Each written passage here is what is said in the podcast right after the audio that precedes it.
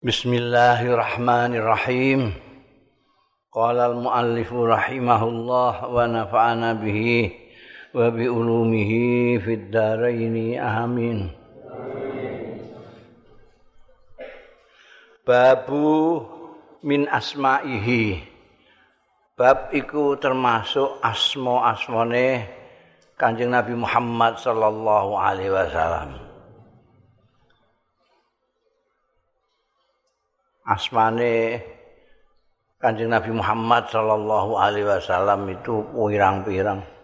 Ora namung Muhammad, ora Ahmad, ora Mustafa, ora Mukhtar, ora Wakih. Nah ini bab iki menyebutkan beberapa di antara nama-nama yang banyak itu. An Jubair bin Mut'im an abihi saking ramane Jubair radhiyallahu anhu qala ngendika ya Jubair abihi. Orang ngendika sapa abihi ramane Jubair mutim. Sami itu mireng sapa ingsun Rasulullah ing Kanjeng Rasul sallallahu alaihi wasallam. Tak pireng yaqulu ingkang dawuh ya Kanjeng Rasul sallallahu alaihi wasallam.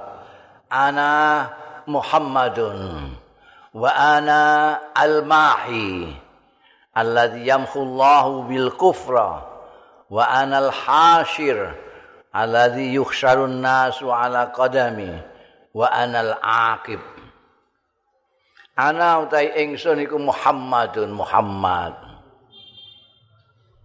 Ya. Sing pinuji.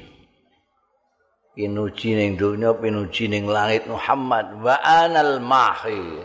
Tai ingsun iku juga yang disebut al mahi mergo allazi yamkhullah. Sing yang iku nyetip menghapus. Gusti Allah menghapuskan sapa Allah bi sebab ingsun al kufra ing kekufuran. Kekufuran dihilangkan oleh Allah melalui Kanjeng Rasul sallallahu alaihi wasallam. Maka Kanjeng Rasul disebut al-mahi. Wa anal hasyir aku ya disebut al hasil wong sing giring. Nek apa? Soalnya aku allazi yuhsyarun nas. Wong-wong sing digiring apa anas wong-wong ala qadami ngatasé tipak ingsun. Jadi kanjeng Nabi Muhammad Sallallahu Alaihi Wasallam itu di depan sendiri, jadi orang-orang yang ikut kanjeng Nabi Muhammad Shallallahu Alaihi Wasallam maka nanti juga akan masuk di tempat kanjeng Nabi masuk.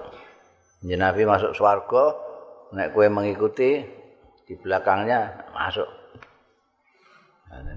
Mulane ana dawe kanjeng Nabi kulu ummati yadkhuluna jannah.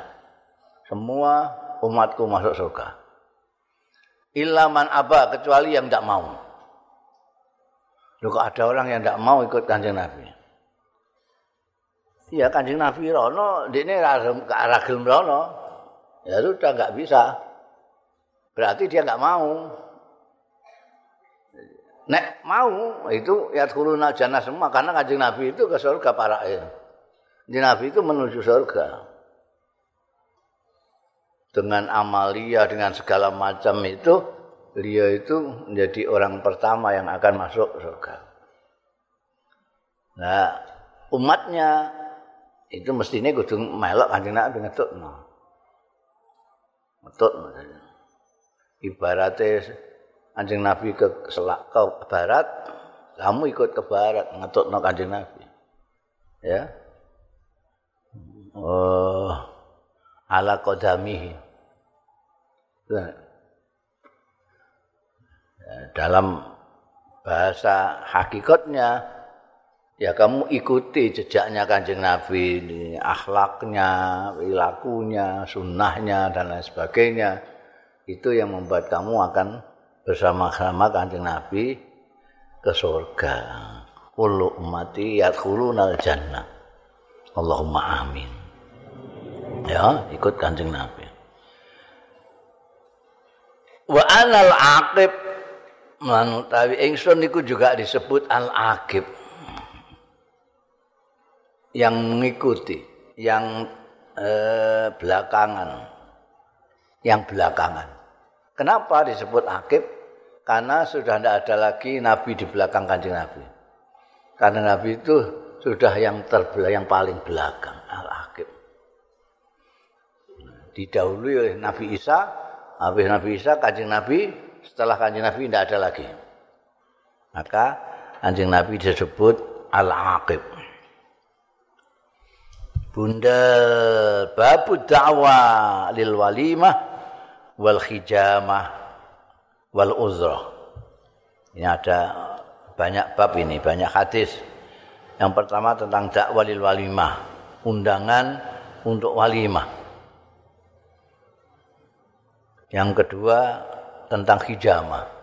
Jamah itu jenis pengobatan tradisional yang paling tradisional zaman kuno pakai.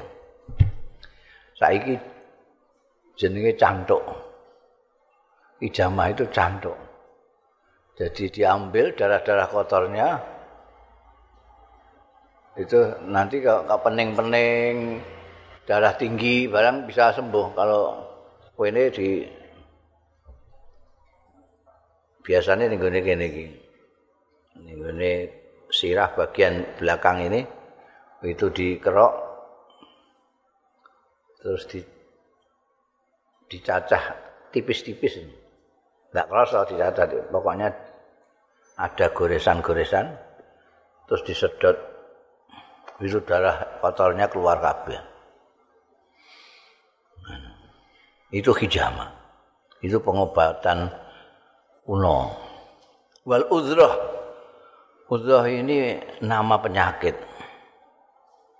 itu sudah sejak dulu itu ada penyakit itu. Itu penyakit itu infeksi saluran tenggorokan yang menuju ke hidung. Ada yang mengatakan sekarang ini apa jenis amandel itu di sini itu ada infeksi. Itu obatnya apa? Oh, eh, ini enggak disebut. Nah. hijamah itu juga pengobatan ada penyakit uzrah yang dulu populer penyakit itu di kalangan anak-anak terutama. Iki ya polip opo amandel itu polip. An Abi Hurairah radhiyallahu anhu diriwayatake saking sahabat Abu Hurairah radhiyallahu anhu annau satune sahabat Abu Hurairah Karena ana ya sahabat Abu Hurairah iku yakulu ngendika ya sahabat Abu Hurairah Syarru ta'am, ta'amul walimah. Utai panganan sing paling elek, elek-eleke pakanan iku ta'amul walimah. Itu pakanan walimah, pesta. apa ya walimah saiki wis dadi bahasa Indonesia walimah itu. Kondangan sing ngarani kondangan. Nganten-nganten barang niku ya pesta lah kayak pesta. Elek-elek panganan pakanan pesta pakanan walimah. Yud'a sing diundang laha kanggo walimah apa al agniya wong-wong sugih wa yutraku lan ditinggal ora diundang sapa al fuqara wong pikir-pikir. Wa man taraka al dakwah monggo sapane wong sing tinggal ya man ad-dakwata ing undang-undang faqat asallahu wa rasulahu. Monggo teman-teman durakani ing Gusti Allah lan utusane Gusti Allah. Jadi ono ngantenan itu disunahke dianjurkan oleh Rasulullah sallallahu alaihi wasallam. Aulim balau syatan, bikinlah bikin pesta pernikahan itu meskipun hanya nyembelih wedhus siji tidak masalah, pokoknya adakan. Dan kalau mengadakan itu jangan pernah tidak undang orang. Walimah kok pangan dhewe sak keluarga itu lah apa? Ini sini. Undang. Dan kalau ngundang jangan sing sugih-sugih tok sing diundang. karena iki dawe saruto elek-elek pakanan itu pakanan walimah. Di mana di situ yang diundang cuma orang kaya tok. Orang yang melarat gak diundang. Kowe nek diundang walimah delok undangane. Undangane kok elit kabeh. Eh serasa mbok tekani undang iku pakanane elek-elek pakanane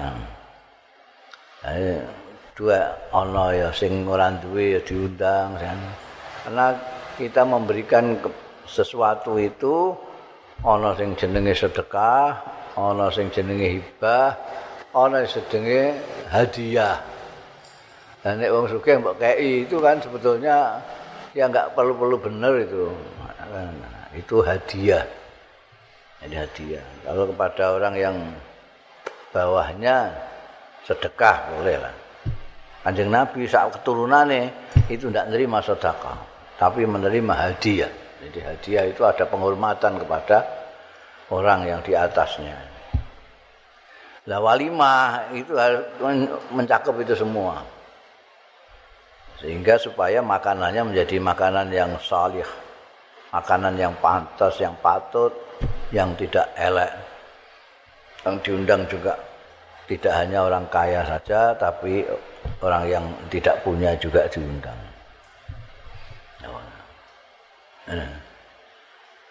Eh, eh, an Anasin saking sahabat Anas radhiyallahu taala anhu anau setune Anas iku disuni pirsa ya Anas sing pirsa ya tabiin karena beliau sahabat Anau suila an ajil hajjam. Saking buruane honornya orang yang nyantuk. Wong nyantuk nyedet darah orang yang sakit itu piye hukume bayarane iku. Faqala mongkon jawab sapa Anas radhiyallahu anhu Anas bin Malik. radhiyallahu taala anhu. Ihtajama Rasulullah. Tahu biyen cantuk sapa Kanjeng Rasul sallallahu alaihi wasallam? Hajamahu Abu Taibah sing nyantuk ing Kanjeng Nabi hajamau nyantuk ing Kanjeng Rasul sallallahu alaihi wasallam iku Abu Taibah Abu Taibah radhiyallahu anhu. Wa atahu lan maringi sapa Kanjeng Nabi hu ing Abu Taibah sa'aini min ta'amin rong sok saking ta'am. Tak sok itu perkiraan anu ya 2 kilo koma empat lah bangsa 2 kilo atau dua setengah kilo lah. 2 kilo jadi kalau dua kali itu 4 kilo kira-kira banyak kasih Mbiyen ya gandum, nek ning kene ya beras itu. Itu kan buruan itu. Wakal lama lan ngendikani sapa Kanjeng Rasul sallallahu alaihi wasallam mawaliyahu ing maula-maulane. Maula-maulane Abu Thaibah Maula itu seperti sudah berkali-kali saya jelaskan, ini kalau ada orang mempunyai budak A mempunyai budak B lalu dimerdekakan, maka A itu maulanya B, B maulanya A. Yang umum digunakan adalah maula itu adalah bekas budaknya. Jadi ini dulu Abu Taibah itu budak. pekerjaannya nyantuk orang. Nyantuk setelah tidak ikut sama bendaranya itu kan nyantuk. Oleh bendaranya itu jadi biar itu orang sing merdeka tapi nganggu syarat kue nek engko nek kue duwe apa penggawean ing kamu kok sampai semene aku kowe wenehi sak persene oh ana gitu. Mulane ning kene Kanjeng Nabi ndawuhi maulane itu. Fa khafifu anhu. ngentengno sira kabeh ngawali andu saking Abu Thaibah wingi biasanya mbok tariki pira iku eh nek entuk rongsok ngono iku mbok jaluk pira? Jakeh-akeh ha dientengno mosok entuk rongsok terus mbok jaluk sak sok kan ya. Eh? Jadi nek patang kilo punjul anu ya sak kilo apa-apa setengah kilo apa-apa. Iku khafifu andu Bakala lan dawuh sapa Kanjeng Rasul sallallahu alaihi wasallam inna amsalama tadawaitum bihi al-khijama. Setuhune paling apa ideal-ideal barang. Ideal apa itu jawane apa cung ideal. Seplorak-plorak mesti gak iso. Oh, gak tau iso piye tak takoki. Ya, sing luwih pantes-pantese barang tadawaitum sing berobat sira kabeh bi kelawan ma iku al khijamatu khijamah. Wal kustul bahri lan kustul bahri. Hijamah itu cantuk itu mau ngambil darah kotor dari pasien. Kalau kustul bahri ini nama tumbuh-tumbuhan kayu-kayuan dari India mana disebut kustul bahri atau biasa kustul hindi eh, bahasa latinnya costa itu biasa dinggo apa jadinya sing diobong terus beluke dianu apa jenenge? Gak iso neh ketep-ketep dupa. Dupa. Eh? Jadi kayu yang untuk dupa, kayu gaharu apa-apa itu. Itu. Itu kalau sakit anak kecil terutama di kasih itu sedikit. Ada yang dihirup, ada yang diteteskan ditambahi banyu. Kustul bahari. Kala dawuh sapa Kanjeng Rasul sallallahu alaihi wasallam, la tu'adzibu sibyanakum. Aja nyiksa sira sibyanakum ing anak-anak ira kabeh, bocah-bocah cilik-cilik ira kabeh bil ghamsi kelawan mijet minal uzrati saking penyakit uzrah. Nek ndekne duwe polip, aja mbok biyen mbok-mbok iku terus tangane dilebokno jempolane ditekekno ning gone njero kono iku. Ning gone bagian apa jenenge amandel iku. Untuk mengobati uzrah ini, infeksi saluran yang antara sini dan tenggorokan. Jadi nek riak ngono iku metu darah. Kalau penyakit itu infeksi, uzrah jenenge. Lah iku mbok-mbok biasanya di dipijet Oh, gembor-gembor bocahe. Mulane Kanjeng Nabi dawuh la tu azibu sibyanakum aja mbok kono aja bil ghamsi kelawan mijet minal uzrati saking penyakit uzra. Lah terus pundi Kanjeng Nabi saged bidu. Alaikum bil kust. Ambani ae waalaikum netepono sira iku artine nambanono bil kust bil kusti kelawan kosta tadi itu. Ayu yang dari India tadi itu. Iku wah mandi itu. Mujarab. Takok nih gune apa penjual rempah-rempah itu mesti ngerti di ini neng Arab kono kue. Setara itu kust dikai. Nah iseh apa jenenge iseh durung dia keringkan itu api ngono. Nah, jempol-jempol ini oh ya, merah.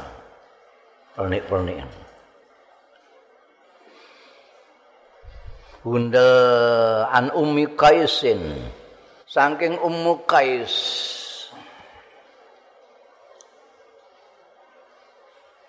binti Mihsan wa kanatan ana sapa ummu kais itu minal muhajirat termasuk wanita-wanita hebat yang hijrah awal apa ulah? Uang. Hah? Uang. Uang. Al-uwal ya. Yang pertama-pertama Alai bayakna Rasulullah sallallahu taala alaihi wa alihi wasallam. Itu bayangno. Mekah Madinah itu ya sekitar kurang lebih 600 km. 600 km kira-kira kene Jakarta. 600 km. Iku wong ke Mekah marana. Ana sing mlaku, ana sing numpak unta. Di perjalanan belum tentu aman. Ada orang-orang kufar Quraisy yang nututi sing begal tak pituruti. Melewati padang pasir durung enek dalan. Masya Allah. Jadi makanya dilem-lem ning Quran orang-orang muhajirin muhajirat itu. Lah ini Ummu Qais termasuk salah satu yang datang dan biat terhadap Rasulullah sallallahu alaihi wasallam. Wahia utawi Ummu Qais iku ukhtu Ukasyata dulur wedoke Ukasah bin Muhsan bin Mihsan.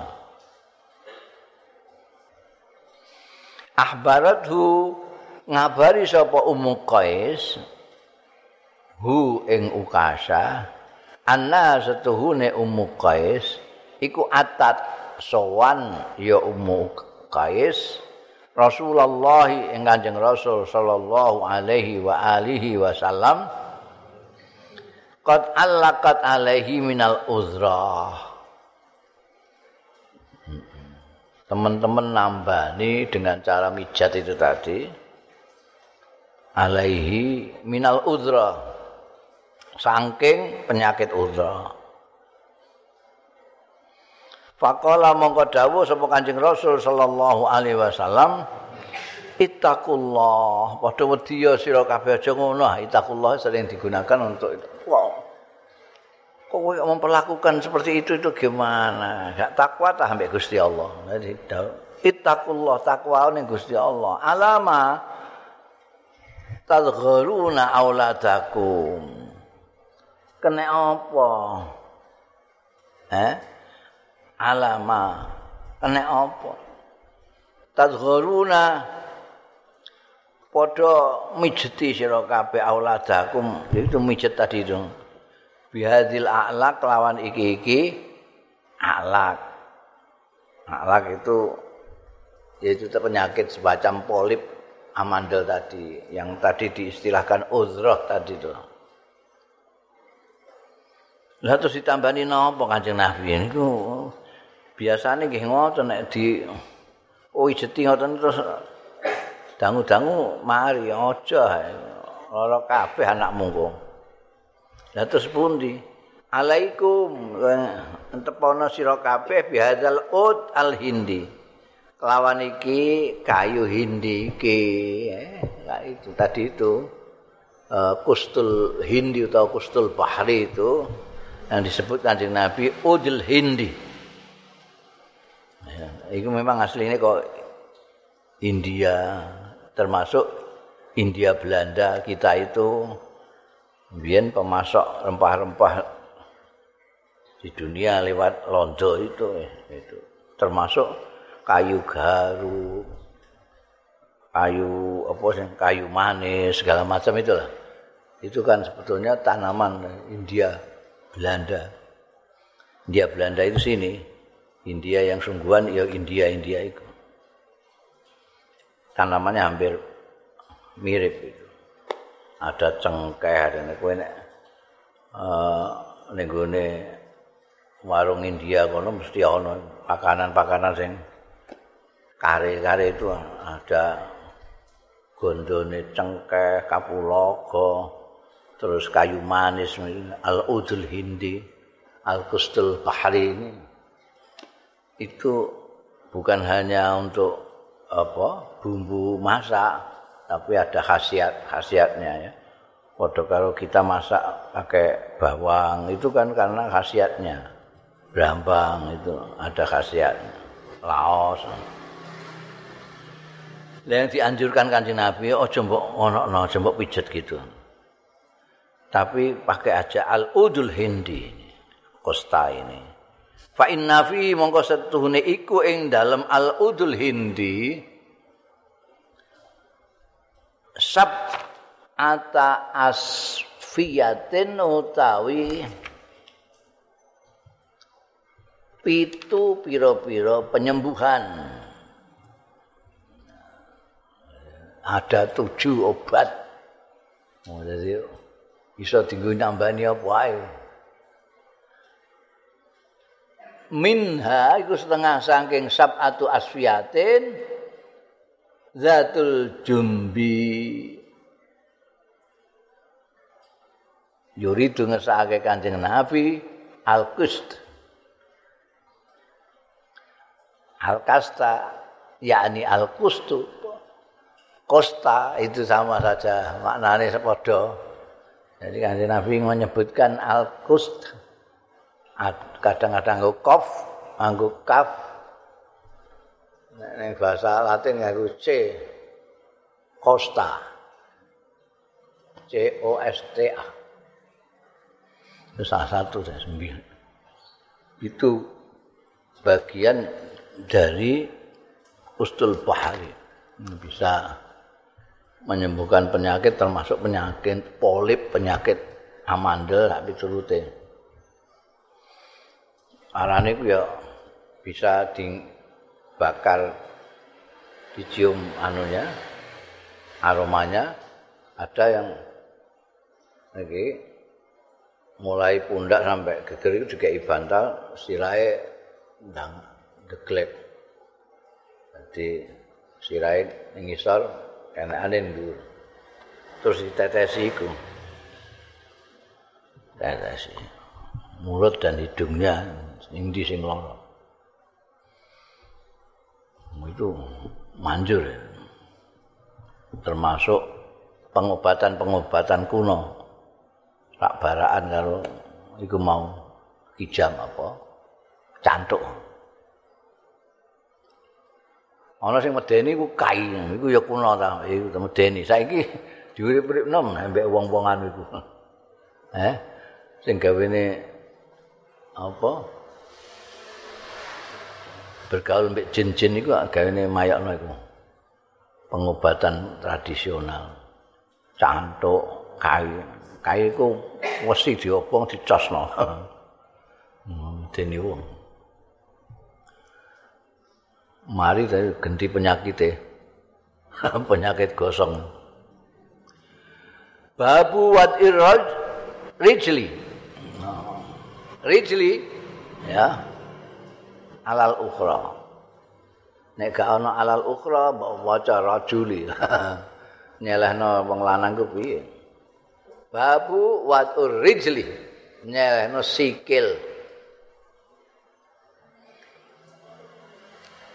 Sikil satu alal ukhra ing atase sikil yang lain. Apa nek kowe ngarani jegrang ya sikil mbok langkrangno ning gone kaki yang lain. Iku jenenge wat urijli alal ukhra ini satu bab. Wa kaifa yakunu rajul fi ahlihi? lan kepriye tingkae wong ana sapa ar-rajulu wong lanang saiki rajul dik mau rijel eh kadang-kadang bahasa Arab itu angele ya ning kono iku lafate padha macane beda ya beda maknane ar-rijul sikil ar-rajulu wong lanang ar-rajil wong sing mlaku lha kan repot. Anggo rok jim kabeh.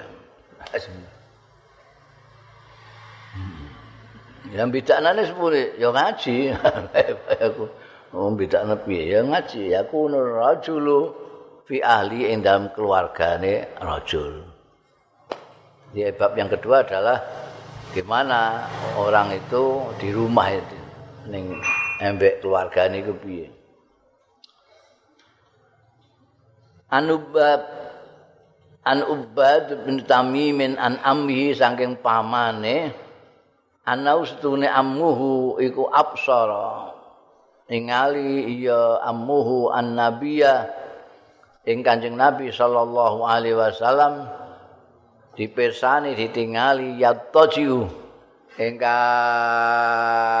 sarean sapa Kanjeng Nabi fil masjid ing dalem masjid rafi'an hale ngangkat ihdari jlehi ing salah satu salah sijining suku kaliye Kanjeng Nabi sallallahu alaihi wasallam ditumpangno alal ukhra ing atase ing liya. Eh, sarean ngene sikile jigrang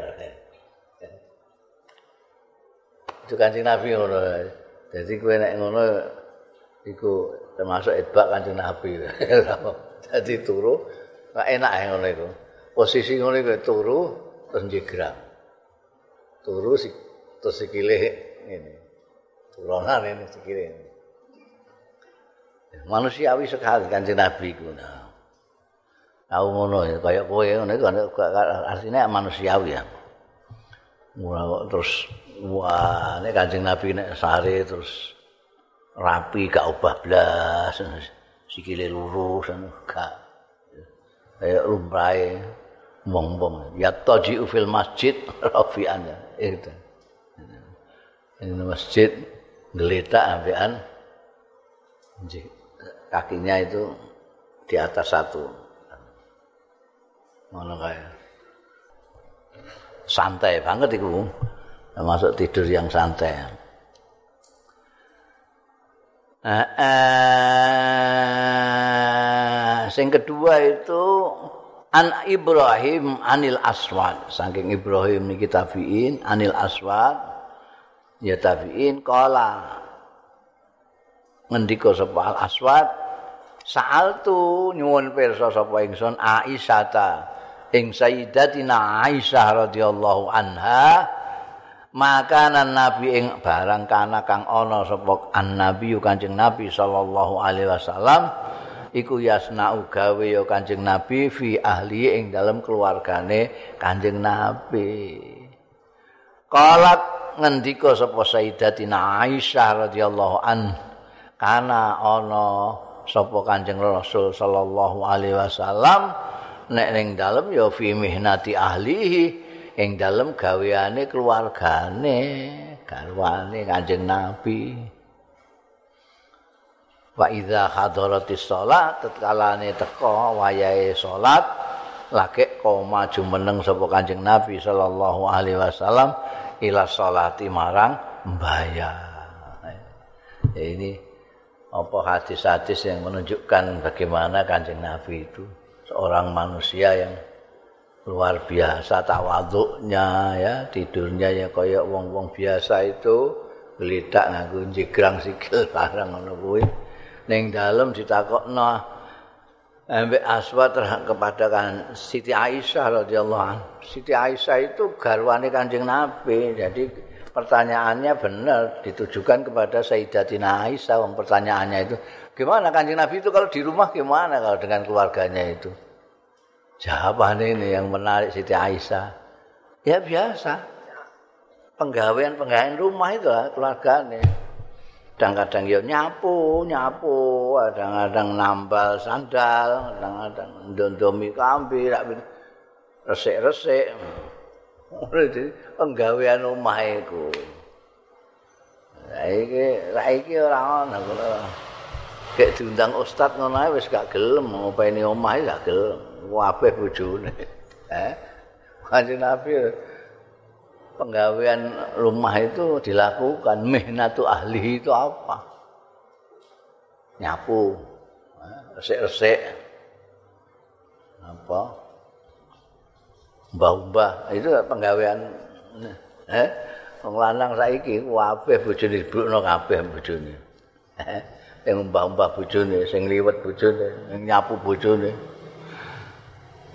sing ngomong anake bojone sing dulangi anake bojone sing ngiseni jeding bojone wis kaya bojone to.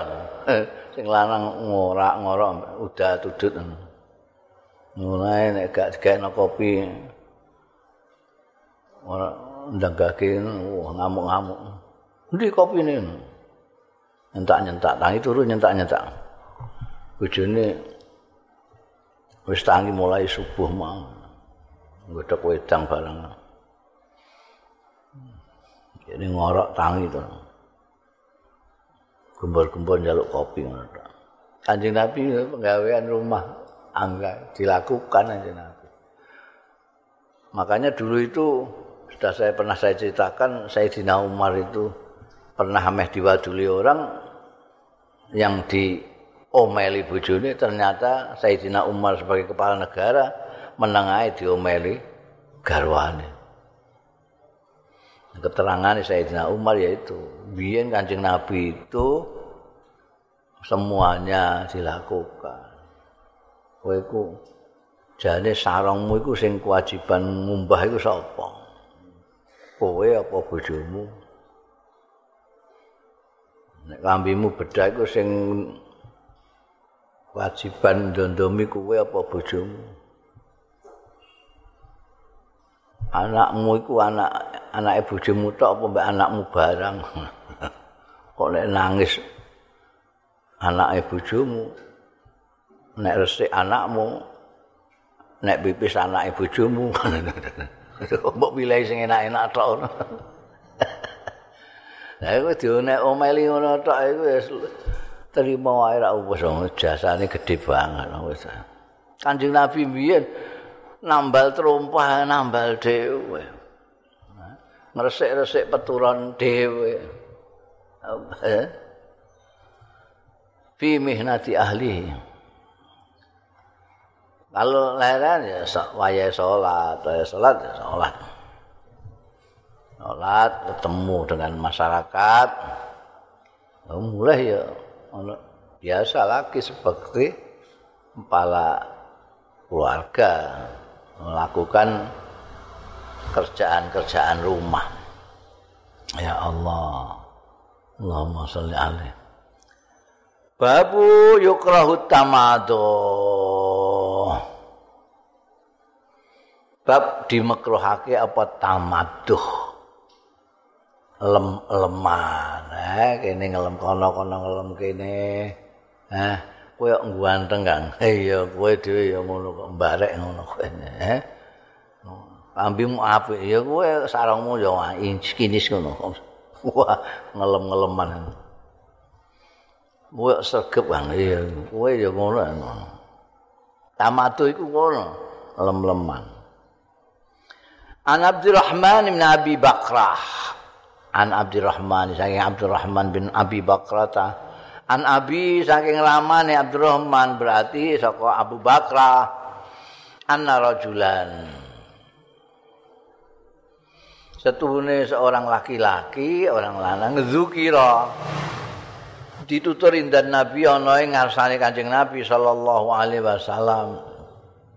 fa asna mongko ngelem alaihi ing atase rajulan sing zukira mau sapa rajulun wong lanang liyane ngelem khairan ing bagus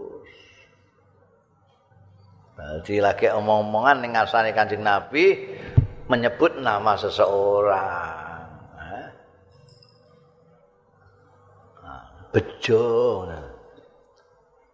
Ono sing nyaut, Oh bejo aku sing anu iku ya wong sing sregep ngibadah ya. Wah anu saya di ana sing ngelem. Teko bejo dilembekan wong. Faqala an-nabiy mongko dawuh sapa Kanjeng Nabi sallallahu alaihi wasallam. Wai hak kotok ta unuka sahibika sing diomongi rajulun sing asna khairan iki mau ya. Rajulun asna khairan iki didhawuhi kan wayaka asal maknane ngono ya cilaka sira tapi ini semacam uh, umpatan yang tidak keras. Enteng ya.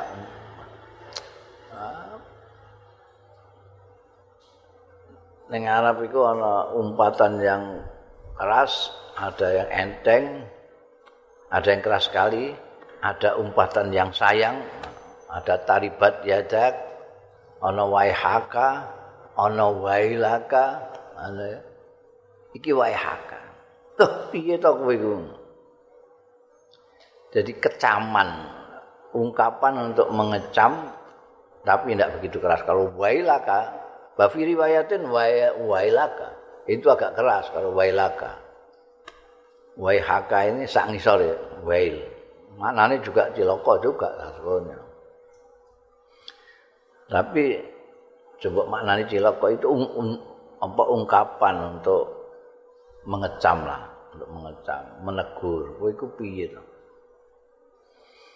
Ngelem kok nganek ngono iku lho. Kotok tak unu ka sahibika. Iku padha karo mutus sira ngetok unu ka ing gulune kancamu dhewe. Artinya yang kamu lem-lem tadi. Kamu apa? Kamu puji-puji tadi sampai kayak ngono iku mau. Berarti kowe iku ngetok gulune kancamu iku.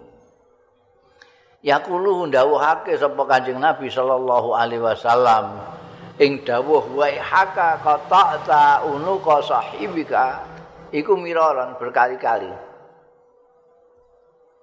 Berkali-kali jadi bulan kali ini wa haka qata'ta unuka sahibika. Qata'ta unuka sahibika. Itu kebiasaan Kanjeng Nabi itu memang mengulang-ulang. La tahdab, la tahdab, la. Umak, umak, umak. Untuk menandaskan itu kanjeng Nabi sering menggunakan pengulangan. Ini juga gitu. Kotok tahun. Mendengar orang muji kawannya sampai setinggi langit itu kanjeng Nabi justru menegur. Wai haka kotok tak unuka sahib. Wai ngetok gulune dulur. Ingkana lamun ana sapa ahadukum salah siji ro kabeh madikan harus memuji lama halata ora kena ora iku tegese harus lama tah lama halata iku padha karo labuda ora kena ora nek pancen ora kena ora kowe harus nek cara Indonesianya kalaupun salah seorang dari kamu harus memuji memang kudu memuji. Falyakul mongko supaya ngucap sapa akadukum ah sibu kaza wa kaza. Aku menduga apa cara jawane aku menduga? Aku memperkirakan aku menurut saya ngono iku kaza wa kaza menurut saya saya kok melihatnya dia itu seperti orang yang cakep, orang anu. Jadi tidak memastikan orang cakep, orang anu, tapi menurut saya saya pikir dia itu orang yang cakep. Ingkana ya lamun ana sapa hadukum yara iku ningali ya hadukum annahu setuhune. Rajul sing mbok lem iku mau. Kadzalika kaya mengkono-mengkono. Kaza wa kaza. Nek pancen ternyata betul seperti itu seperti yang kamu lem dia itu ahli ibadah apa dia itu dermawan sak piturutin kamu jangan ucapkan wong itu dermawan banget. Gak menurut saya dia itu dermawan. Kayak ngono. Jadi menurut penilaian kamu. Soalnya kalaupun benar begitu wahasibu sing ngitung yang menilai betul-betul ing rajul sing mbok lemamduh iku Allah Gusti Allah Bala yuzaki lan aja bersihno aja muji. Apa ahadukum anillahi? Angking Gusti Allah ahadan ing seorang pun. Artinya wong sing menjadikan orang itu dermawan, menjadikan orang itu apik, menjadikan orang itu terpuji, itu Gusti Allah. Kowe aja memastikan diri seolah-olah kamu itu ngelangkai Gusti Allah ya. Yuzaki akhadan anillah. Yang berhak sesungguhnya untuk menilai orang per orang, hamba-hamba Allah itu ya Allah sendiri. Kamu ngapain? Sebaliknya juga gitu. Orang iki mau mencaci, mencaci aja enggak, enggak boleh kanjeng Nabi mencaci karena itu haknya Gusti Allah. Hasibuhu Allah. Yang menilai itu Allah. Apa mana saiki? Oh, jahanam no wong. Apa iku jahanam. Kok iso ngerti ngono iku piye? ngerti nek niku elek iku Gusti Allah. Jadi memuji, menghina dengan kepastian seolah-olah kamu tahu persis dan bahwa itu orang jelek misalnya. Itu lebih-lebih mengatakan dia itu orang baik itu eh gak gak gak elok. Makro itu gak elok, gak elok. Jadi piye? Menurut saya dia baik, Jadi jangan melangkai Gusti Allah. Karena yang menilai baik buruknya orang itu hanya Gusti Allah. Yang tahu persis. Mana ya? Orang yang baik itu kadang-kadang yang terlihat saja yang kamu lihat saja. Kamu lihat baik lalu kamu mengatakan dia baik. Padahal ada yang tidak kamu lihat. Dan itu bisa saja tidak baik.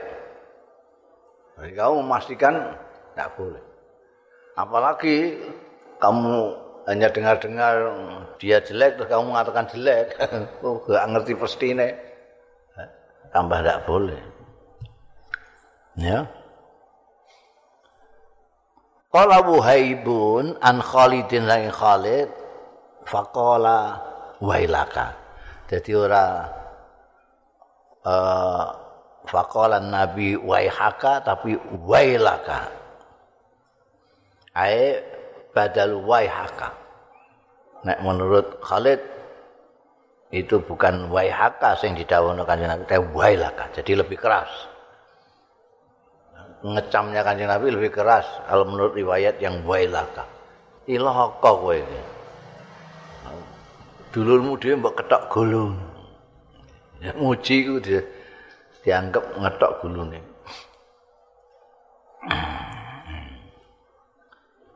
Bunda babu mayu kalu indan naum babak tahu. Bab apa sing diwaca indan naum nalika arep turu babak tahu lan sawise naum. Ben arep turu iku anggere hak ngono ae. Apa turumu ora nganggo maca-maca apa sak turune? Apa kudu maca-maca kitab sik ben turu. iki nek Kanjeng Nabi iki ngono.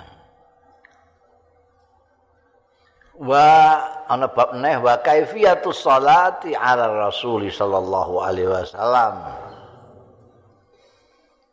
Carane maca selawat ning gone Kanjeng Rasul sallallahu alaihi wasallam.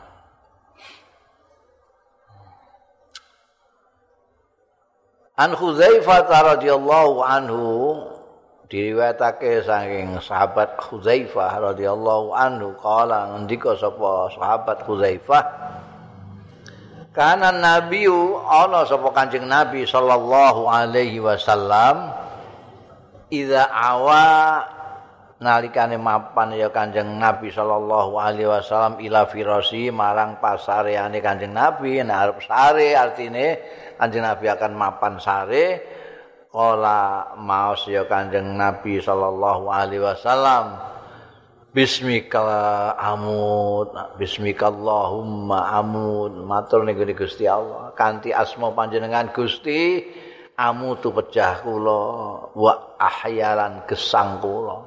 Pecah gesang kula menika Bismika. Kanthi nyebat asma panjenengan. Kowe nek turu ngono bismika Allahumma ah bismika amut utawa bismika amut wa bismika ahya cara kanjeng Nabi bismika amut wa ahya ngono ae. Wa idza qama lan tatkalane tangi wungu sapa Kanjeng Nabi sallallahu alaihi wasallam qala maos Kanjeng Nabi alhamdulillahilladzi ahyana ba'dama amatana wa ilaihin nusyur. Alhamdulillah sekai puji ki diwaca nek tangi turu. Aja tangi turu terus udut. Anda tangi turu alhamdulillah. Maca se alhamdulillah alhamdulillahilladzi sekai puji. Jadi hidupmu kamu wiwiti dengan alhamdulillah. Kamu awali dengan bismillah, kemudian awal kehidupanmu kamu mulai dengan alhamdulillah. Dengan turu kan sebetulnya setengah mati itu karena kamu tidak bisa apa-apa. Bisa bidane mau bisa bernapas tapi nggak bisa apa-apa. Di di di wong barang menengahi kowe guys. Tidur itu. Mati kecil.